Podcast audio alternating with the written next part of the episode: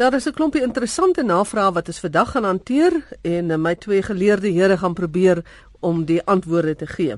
En Willem, ons begin by jou. Die eerste vraag is van Anja Kramer van Kaapstad en sy vra of jy die herkoms ken van die woord hondebloed as sinoniem vir drop. Ja, Magdalene, dis dis 'n mooi storie van Anja. Uh, sy sê dat hulle het as 'n gesin in 1948 uit Nederland na Suid-Afrika gekom En omdat haar pa by nasionale pers begin werk het, is hulle as kinders na die laerskool Jan van Riebeeck gestuur en nie soos die ander uh, Nederlandse immigrante na Engelse skole toe nie. En hulle het dan pauses het hulle sout drop geëet wat Hollandse vriende altyd vir hulle saamgebring het as hulle kom kuier. Nou die soute drop het hulle dan smaaklik voor die ander kinders geëet en hulle wou dit nooit deel met die ander kindertjies nie. En toe die kinders nou weer eendag sou kom bedel, toe sê sy vir hulle nee, julle kan nie dit eet nie, dis gedroogde hondebloed. En so dink sy het die woord die ronde begin doen. En ek het nie 'n ander verklaring daarvoor nie. So sover soos ons weet, het Anja Kramer jare gelede begin uh die storie versprei van hondebloed vir drop. Uh mens wonder waar kom drop vandaan? Nou drop is die ingedikte ekstrak van die wortels van soethout. En dit word natuurlik gebruik as 'n smaakmiddel, lekker goed en 'n geneesmiddel, uh hoofsaaklik vir hoesmedisyne. En dit word so genoem omdat drop is Nederlands vir druppel. En die sap van die soethout word drupsgewys versamel. Dit drup letterlik uit die wortel uit, maak dit bymekaar en dan stol dit en dan word dit nou verwerk. So daai drop is eintlik druppel. En in Afrikaans is dit ook nog gebruik uh, deur ons vroeë skrywers Jan F Eselie het byvoorbeeld geskryf in een van sy gedigte geen drop vir die dors. Ek is baie lief vir drop en ek dink ek gaan nou eers anders te kyk na daai langstuk drop. Ek gaan hom nou bestudeer want nou weet ek meer van hom. Hmm. Ja, maar jy kan hierdie Nederlandse zoute drop kan jy nou koop in die supermarkte. Ons koop gereeld vir ons so 'n sakkie zoute drop.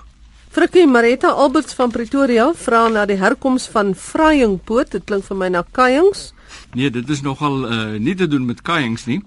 'n Flyingpoot is 'n trekvoël van die familie Phalaropidae met gelopte swemvliese aan die tone wat aan weerskante aan die ondersy uitsteek. En hierdie goed wat uitsteek lyk soos amper soos 'n omboorsel met afhangende drade of lisse of touwtjies met anderwoorde dit lyk soos fryings en dit is maar waar die naam fryingpoot vandaan kom. Aan die poot is daar dan nou hierdie swemvliese wat wat lyk soos fryings wat daar hang Nou uh, heel interessant en net terloops, vrying is 'n vervorming van franje wat Nederlands is en van ons ouer Afrikaanse skrywers het nog franje gebruik in plaas van vrying.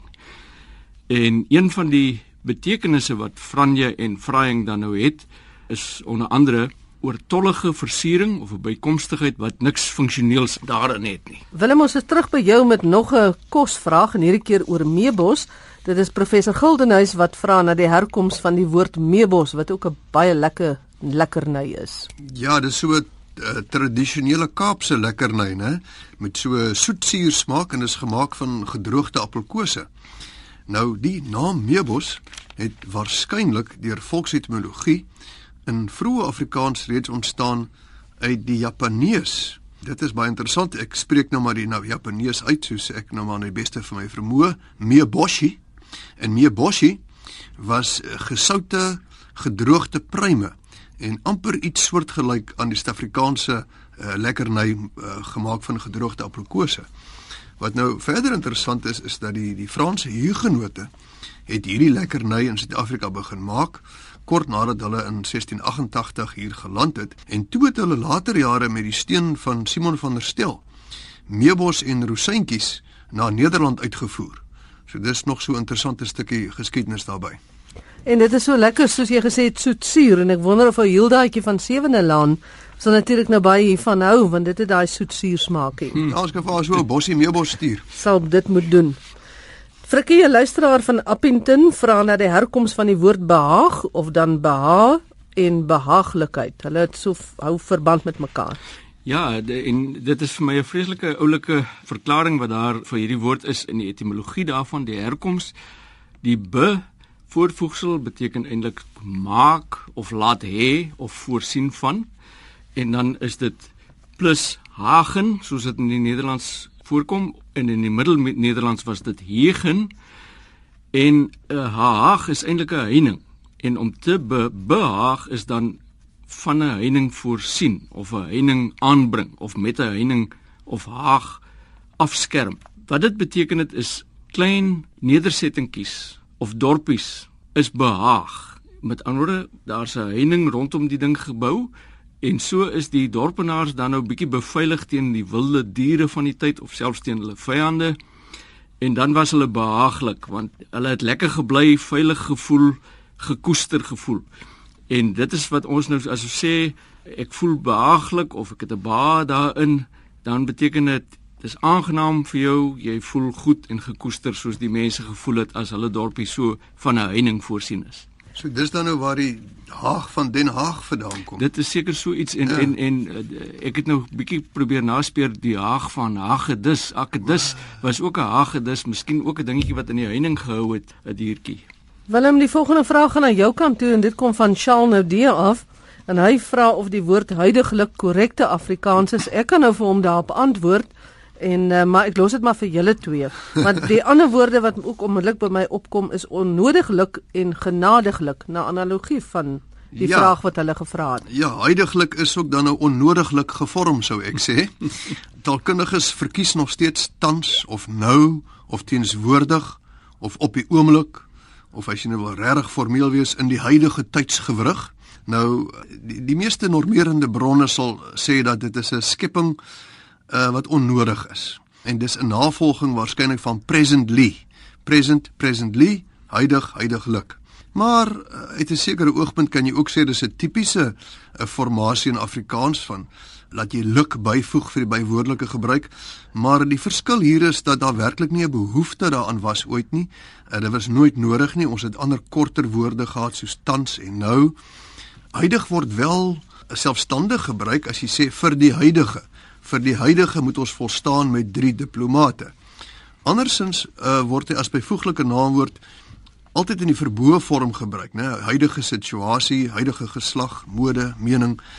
So huidigelik is eintlik 'n onnodige vorm, maar hy is nou al so lank in gebruik dat ons seker nie meer kan sê dit is nie Afrikaans nie.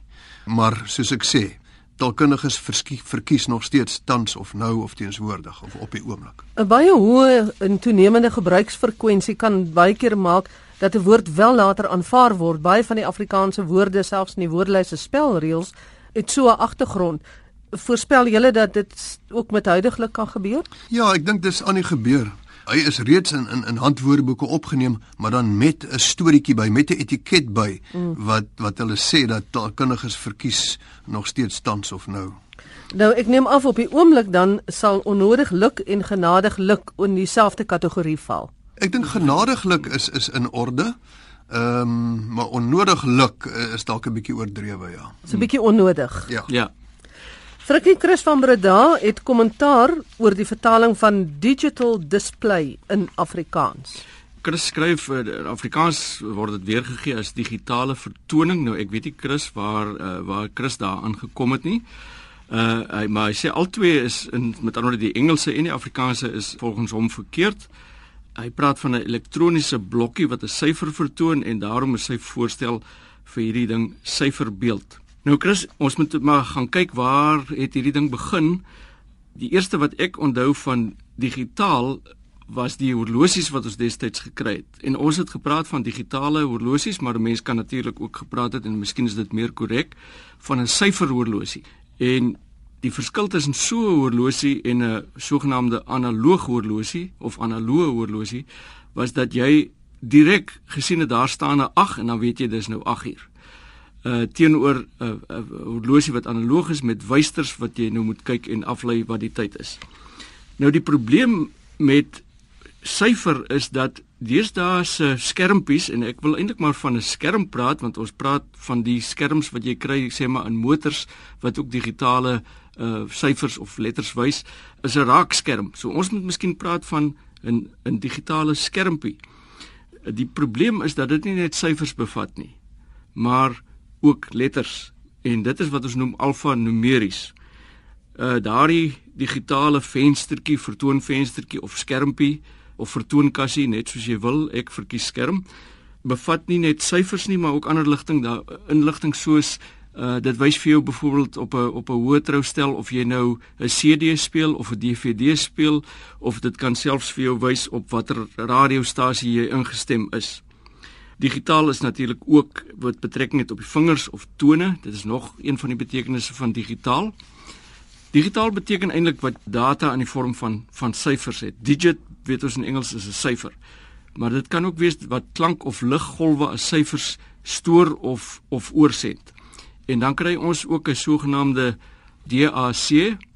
Dit is nou 'n digitaal na analoog omsetter of 'n syfer na analoog omsetter want daardie syfertjies wat nou gekodeer word waar 'n 1 sê maar iets beteken en 'n 2 iets anders moet weer omgesit word na analoog sein om om werklik jy weet klankmatig oorgedra te word of so.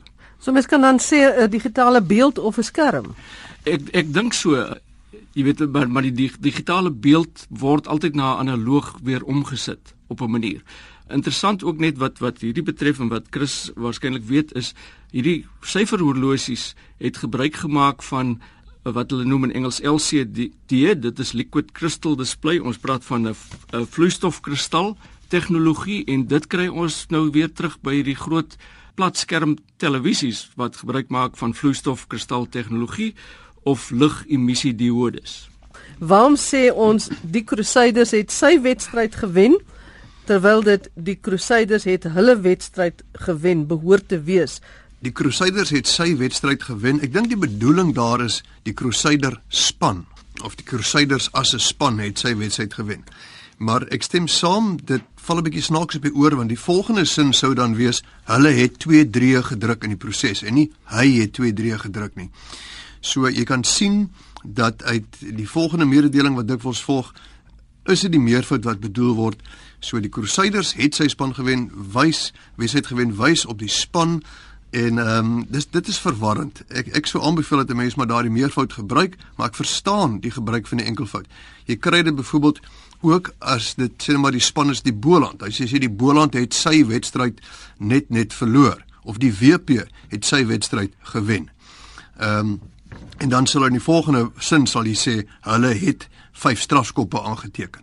Dit is maar 'n 'n saak wat wat elkeen vir homself moet uitmaak. Dit laat dink my nou aan in Engels want daar's baie keer 'n probleem waar um, Afrikaans sprekendes uh, gewoonlik 'n probleem het met is dit nou enkel of meervoud wat jy gebruik is of are as jy sê the police, die polisie. Mm. Daar is dit 'n bietjie anders. Uh mense raak verward of dit nou enkel of meervoud moet oh, wees maar. Of the crowd, the crowd is or are, hulle gebruik albei.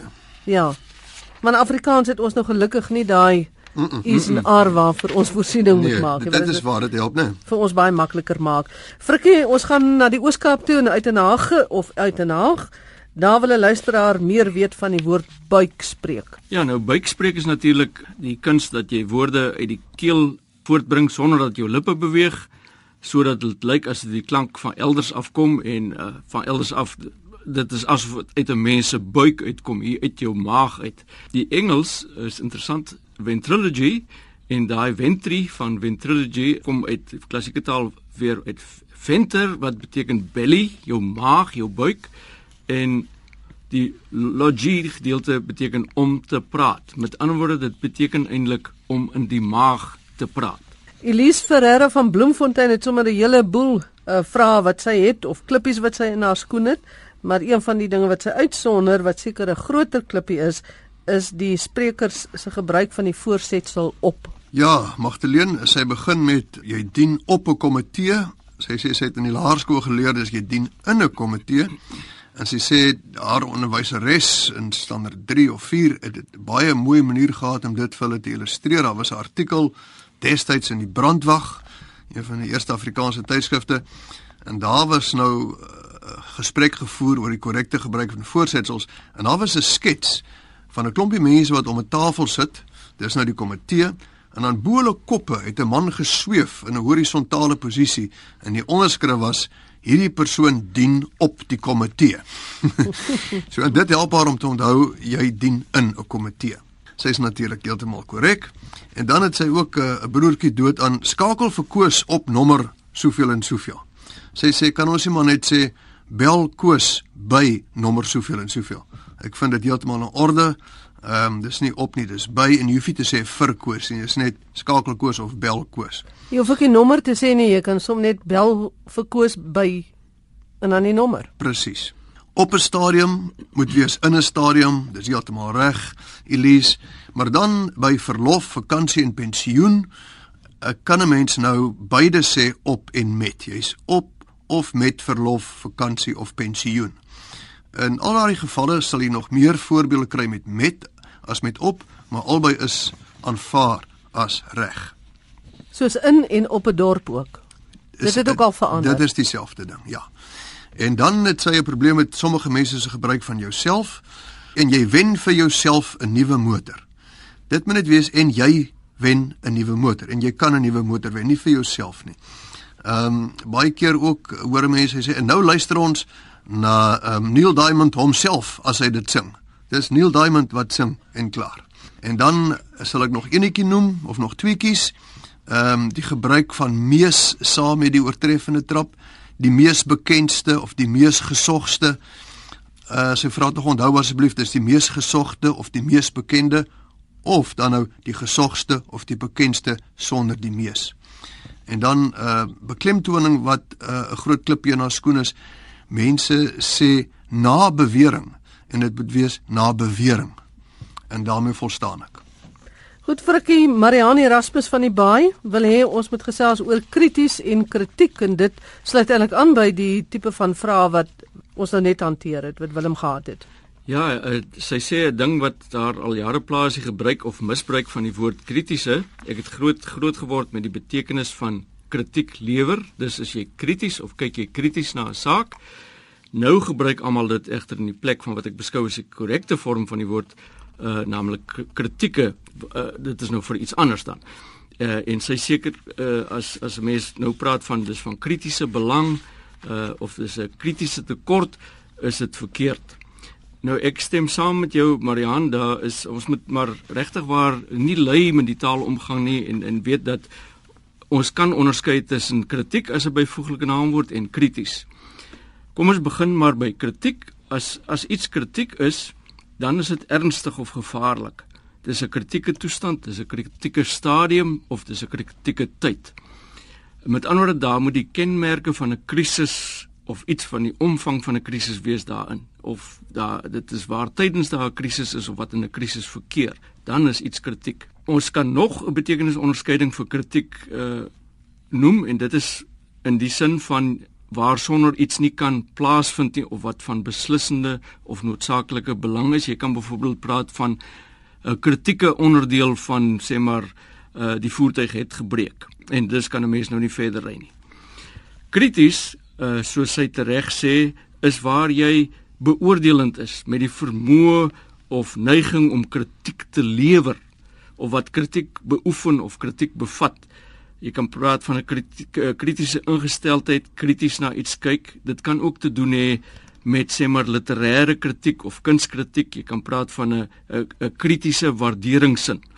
Maar ons moet tog die twee uitmekaar uithou. Kritiek is waar dit werklik waar gaan oor ernstige goed wat die omvang van 'n krisis het. Om vandag se taalnavraag af te sluit, gaan ons praat oor die woord skuur, soos dit in opsigte van hout gebruik word en dit word gespel S K U E R.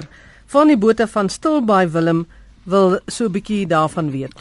Ja, hy hy vertel ons eintlik dat uh, sy familie aan vaderskant soos hy sê Boslansers en George was in die area en hulle sy pa dikwels verwys na skuur en dan het hy uh, bedoel die grein van hout. Nou skuurhout is hout wat maklik kloof en dit is teenoorgestelde van dwarsdradig. Dis nie 'n soort boom nie, dit het te doen met die draad van die hout. En sy pa het vertel dat as jy met 'n byl op die punt van 'n 6 voet paal kap, veral as die hout droog is, die paal sal oopbars in twee planke en hulle het planke gesaag, maar as jy 'n skuurhout het, is dit een kap en jy's dwars deur. Ek kan hierby aansluit, ons het uh sopas die manuskrip vir die volgende deel van die VAT voltooi. Uh die eerste deel wat oor uh, S sal handel en daar het ons skuur behandel en een van die betekenisse is die betekenis van skuur wat ten opsigte van hout geldig is en daar het ons gesê ten opsigte van hout beteken dit waarvan die draad reguit loop en wat dus maklik gekloof kan word. en 'n sinoniem daarvoor is skuurdradig. So baie dankie Fani, ons het dit so reeds opgeneem soos jy nou hier vertel. Dit is dan eers alwaar vir ons vandag tyd het. Baie dankie Dr Willem Botha en Dr Frikkie Lombard vir julle interessante antwoorde vir vandag se vrae. Magdalene Creer wat groet tot 'n volgende keer.